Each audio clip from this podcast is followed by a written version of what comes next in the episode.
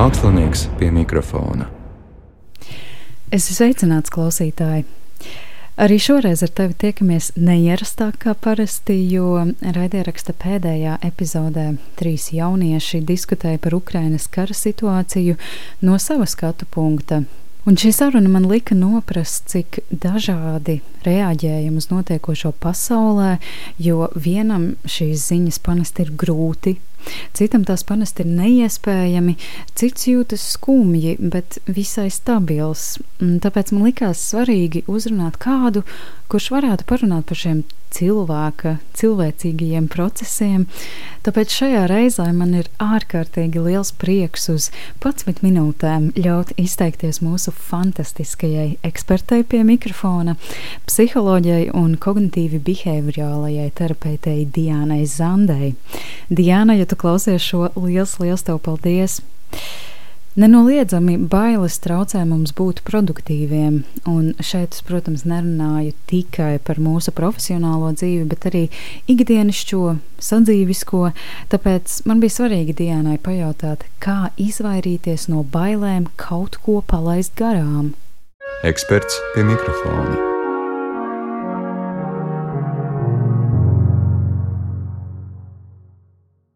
Nu, vispirms droši vien jāsaka to, ka šobrīd mēs pieredzam piedzīvojam, esam liecinieki nopietnai krīzei ļoti tuvā valstī. Ir tāds fenomens, ka jo tuvāk kaut kas notiek, jo tuvāk mūsu pašvādai, jo tas, protams, vairāk atsaucas uz mums. Un līdz ar to mēs paši savā veidā iekļūstam krīzē. Ja, mēs esam gan liecinieki notikumiem, mēs nevaram īsti tos ietekmēt, un arī mēs tiksim ietekmēti. Tikai varbūt nezinām vēl precīzi kādā veidā, nu visticamāk ekonomiskajā ziņā. Nu, lūk, tad, kad kaut kur notiek kāda krīze, blakus, piemēram, tad viena no lietām, kas ir normāla reakcija, mēs gribam būt lietas kursā, mēs gribam kontrolēt. Mēs pēc būtības gribam kontrolēt notiekošo.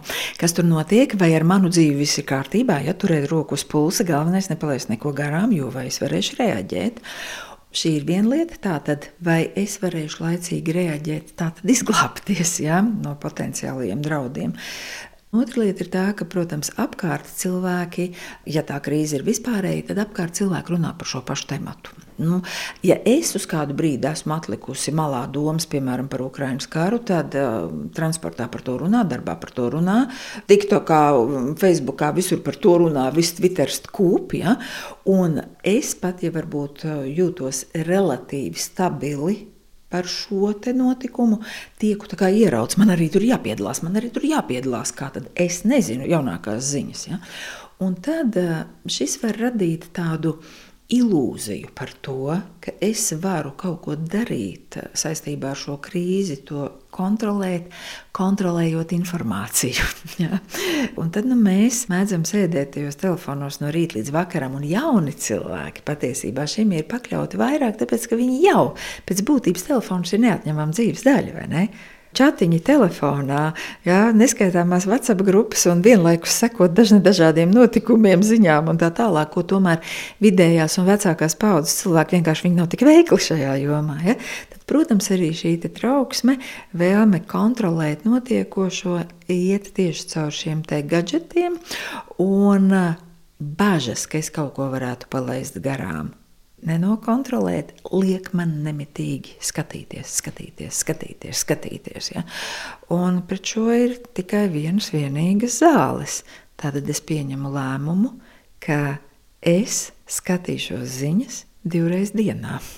Kas arī šobrīd ir plaši ieteikts, um, nu, tāds ieteikums, ko saka psihologi ļoti dažādās valstīs, ka tad, kad ir kāda krīze, tad satraucošās ziņas nevis no rīta līdz vakaram skatīties, kas mūs liedz funkcionēt ikdienā, bet skatīties no rīta un vakarā. Tātad divreiz dienā no rīta varam paskatīties pēc piecelšanās, protams, esam nepacietīgi.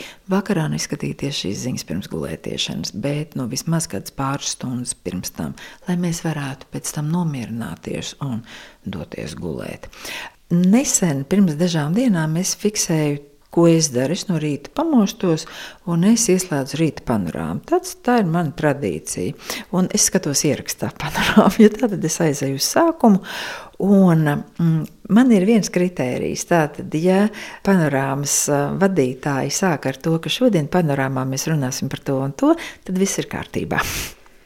Jo tāpēc, ka 24. februārī, kad sākās šis karš, uzreiz bija momentā trakā ziņa. Ja? Tātad, ja pirmā no trakā ziņas jau var teikt, oh, fu, tātad sliktāk visticamāk, ļoti krasi sliktāk nav. Un kā man palīdzēs tas, ja es būšu izlasījusi visas BBC ziņas, noskatījusies visas ukrāņu ziņas, latviešu ziņas, vēl krievu ziņās ieskatījusies. Ja kā tas man palīdzēs strādāt, darīt savas lietas, funkcionēt savā dzīvē un galu galā palīdzēt varbūt kādam ukraiņu cilvēkam, kam ir vajadzīgs, varbūt mans finansiālais atbalsts vai, vai kāds, um, nezinu, saruna kaut vai. Kā es, kā es viņam palīdzēšu? Ja šī ziņu skatīšanās reāli nepalīdz, tad ko es varu darīt savā dzīvē, lai kontrolētu to, ko es patiešām varu kontrolēt? Un tas nozīmē, eju uz darbu, daru savas ikdienas lietas, uh, tiekos ar cilvēkiem, ar kuriem man šodien bija saplānots tikties. Jā, vakarā es varu aiziet uz kafejnīcu. Jā, es drīkstu priecāties. Varbūt man šodien ir dzimšanas diena, varbūt es esmu iemīlējies vai iemīlējusies. Ja? Es drīkstu pirkt kleitu, un es drīkstu šūt kleitu. Ja? Tā nav nodevība pret kaimiņu tautu, kurā šobrīd piedzīvo karu. Tas ir šis līdzsvars, ka lai gan šobrīd pavisam tuvu zeme, tā kā pasaule apgriezīsies otrādi, tomēr dzīve turpinās arī Ukrainā dzīve turpinās. Man liekas, ir svarīgi paturēt prātā Dienas Zandes teikto domu par to, ka līdzsvars nav nodevība. Taču pavisam noteikti arī no jums būs daudzi, kuri piedzīvo pastiprinātas, nepatīkamas sajūtas ikdienā par notiekošo pasaulē. Ko darīt, ja trauksme ir pārmērīgi liela? Cilvēki, kam ir trauksmes traucējumi, jebkādu to mēs saucam par triggerību, izraisošo notikumu, var uztvert daudz jutīgāk nekā tie cilvēki, kam nav traucējumi. Un tad, droši vien, ja šī trauksme nu, izcili ielaužas ikdienas dzīvē, liedzot mums funkcionēt, tad ir jāmeklē palīdzība. Nu, tā nu tas ir. Ja mēs atkal un atkal atgriežamies pie tā, ka ir lietas, ar kurām mēs galā netiekam. Zobus galu galā mēs neārstējam sev paši, ja mēs kaut kad jau par to vienojāmies. Ja, tad mēs meklējam palīdzību. Ja nav iespējams profesionālā palīdzība, kas ir tie cilvēki, kuri samazina manu trauksmu ikdienā, nevis mierinot, bet vienkārši iestāstot man, ka nav pamata uztraukties, bet ar kuriem kopā esot, es jūtos stabilāks, varu pievērsties vairāk savam darbam vai savām atbildībām. Ja tad meklēt veidus, kā nedaudz līdzsvarot sevi.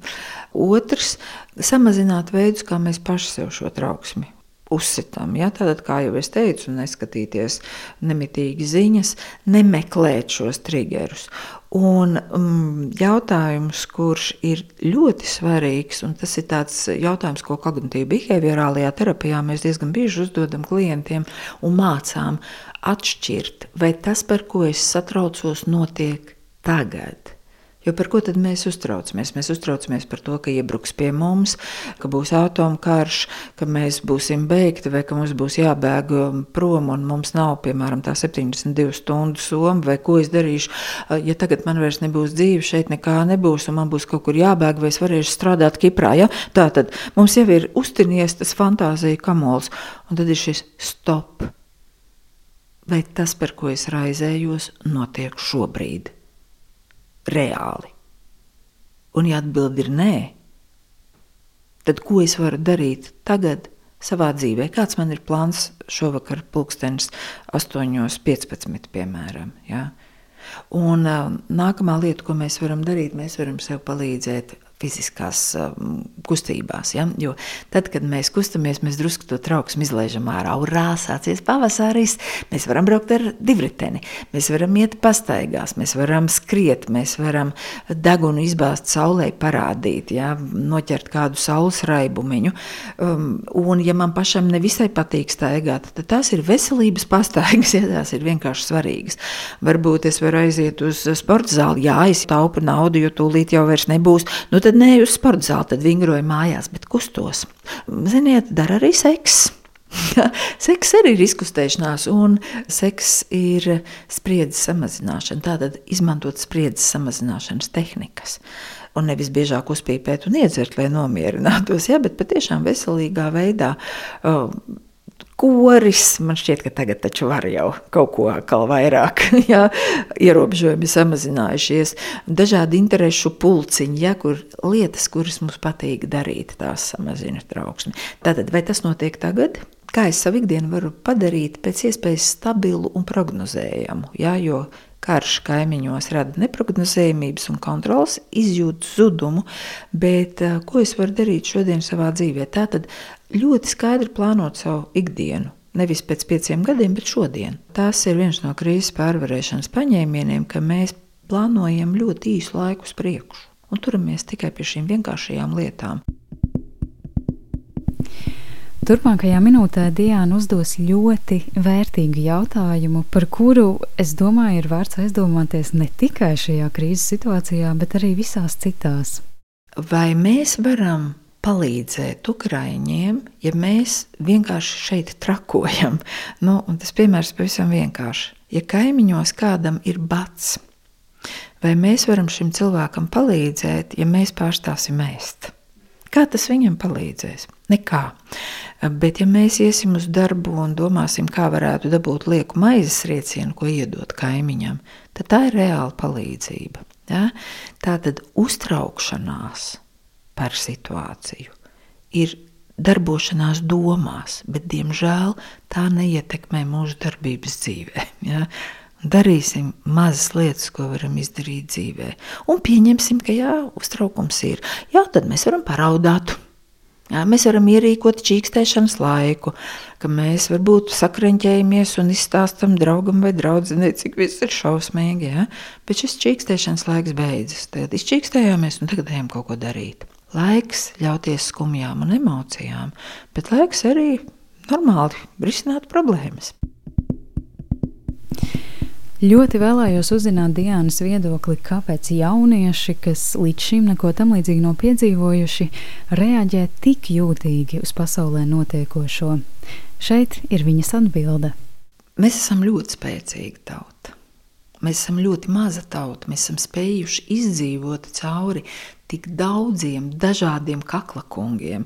Ir poļi, zviedri, un vāci un krievi, un, un padomīja, un kari un izsūtīšanas. Un tik, nu, tik dažādas tās pārmaiņas un grūtie laiki, un mēs esam spējuši izdzīvot. Tātad mūsos ir ārkārtīgi liels sīkstums. Bet tieši pēdējās desmitgadēs var teikt, ka mēs esam dzīvojuši tādā relatīvā mierā, patiesībā mierā un labklājībā, un iekļaujušies rietumu kultūras kopējās cerībās par tādu tā kā apsolījumu, ka nu pat dzīvē viss būs tikai labi, tikai skaisti, tikai jauki. Un arī es esmu mamma, un man ir pieauguši bērni, un es pilnīgi noteikti atceros, kā es vecākajiem bērniem varbūt kaut ko varēju iedot ar grūtībām, jo nebija, un kā jaunākie bērni ir dabūjuši visu, jo vienkārši Tas ir norma, ja? nu, vai šobrīd kādam bērnam telefons, tas ir kaut kas wow, nu, tā ir norma, vai ne? Un tā tad, ja bērni ir auguši šādā labklājībā, un mēs nekādā veidā nevaram pārmest jaunajai paudzei, jauniešiem, ka viņi nav pieredzējuši grūtības, viņi ir dzīvojuši labā maizē. Tas ir tas, ko mēs kā vecāki viņiem novēlam, Bet tagad, kad ir grūtības, tad mēs viņiem dažreiz pārmetam, jā, jūs jau nekādas grūtības neesat pieredzējuši. Un tātad šobrīd viņi sastopas ar pirmajām ļoti lielajām, ļoti nozīmīgajām grūtībām savā dzīvē. Jo Covid pat iespējams tādas grūtības neizraisīja, bet šobrīd ir šie lielie jautājumi, vai mēs būsim dzīvi, kas notiks ar mūsu dzīvi, kas notiks ar manu dzīvi, vai es sasniegšu to, pēc kā es tiecos. Man bija sapņi, ka es būšu mūziķis. Bet varbūt šiem sapņiem viss pārvilks pāri krustu karš. Ja? Mēs to nezinām. Ja? Un tā tad var būt ārkārtīgi liels stresa reakcijas, jo vienkārši nav bijis pieredze izdzīvot. Ja? Mēs nevaram šo pārmest. Un tad ir pilnīgi loģiski, ka šis jaunais cilvēks un mākslā tomēr uz mākslu aiziet vairāk cilvēku, kas ir jūtīgāki. Ja? Jo radošums tas jau ir tāds, un talants tas jau ir kaut kāda sava veida jūtīgums un spējas, kādas citiem nav. Bet šis jūtīgums arī varbūt ir kā deficīts. Ja? Varbūt es esmu trauksmaināks, es esmu vieglāk ievainojamāks, varbūt es esmu mazāk spējīgs tikt galā ar tādām elementārām praktiskām lietām, ja? jo mana dzīve ir tajā mākslas pasaulē. Un tad saskaroties ar šādu kara situāciju, kas ir absolūts kūlens, ja, es varu sabrukt. Un es patiešām varu, kā jauns cilvēks, nespēt savākties. Jo viss, kam man iepriekš bija visgrūtāk savākties, bija varbūt iziet uz skatuves un paklanīties un sākt spēlēt. Un tad, kad es sāku spēlēt, es aizmirsu par visu. Ja? Bet tagad iziet uz tās skatuves. Tas jau ir gandrīz vai neiespējami, ja, jo mana galva ir pilna ar, ar patiešām nu, tādiem nu, gan fantāzijām, gan, gan bailēm par savu nākotni. Ja. Un šeit es domāju, ka ir pilnīgi saprotami, ka jaunie cilvēki, kas ir mākslā, daļa no viņiem šobrīd var ļoti brukt kopā, un tāpēc ir svarīgi viņiem, lai blakus ir kāds nu, spēcīgāks cilvēks. Nevis, kas saka, nu, ko tu te ņūņājies, saņemies un nē, ja, bet kas palīdz saprast to situāciju un palīdz saprast ne tikai mūsu ievainojamību un apdraudējumu, bet arī mūsu spēku, kas nekur nav pazudis. Ja, tikai šobrīd varbūt ir nu, uzplaucējams. Tas noteikti ir tāds būtisks moments. Un, Kā tad mēs, tā pieredzējušā paudze, varam atbalstīt šobrīd savus jauniešus un viņus iedrošināt? Un tad ir, protams, otra daļa jauniešu mākslā, kas iespējams šobrīd tieši jūt tādu, nu, var teikt, radošu pacēlumu, un tas ir labi. Šīs savas emocionālās pieredzes pārvērst mākslas darbos, runāt caur šiem mākslas darbiem. Un te es gribētu teikt, ka mākslā ir viena brīnišķīga lieta. Tai nav robežu starp tautām. Ja, māksla ir tas, kur mēs runājam vienā valodā, mākslas valodā. Un es domāju, ka tieši jaunie cilvēki varētu savienot latviešus, krievus, poļus, ebrejus, pakistāņus, turkus, francūžus, latgaļus. Ja, ja, jeb e, šīs ļoti, ļoti dažādos cilvēkus, ja, lai runātu par lietām, kas mums ir svarīgas visiem - nāve, dzīvība, miers, nākotne bāžas apdraudējums. Un te, manuprāt, ir tieši tas jauno cilvēku radošais gars, var tikt likts lietā un var uzplaukt jo spēcīgi. Un māksla var kļūt ļoti spēcīga, jo ienāk šie jaunie un parāda to, ka hei, mēs arī spējam izturēt grūtus laikus. Mēs spējam radīt, mums ir ko teikt. Tā kā patiesībā es gribu teikt, jūsu laiks, jaunie. Mākslinieks pie mikrofona.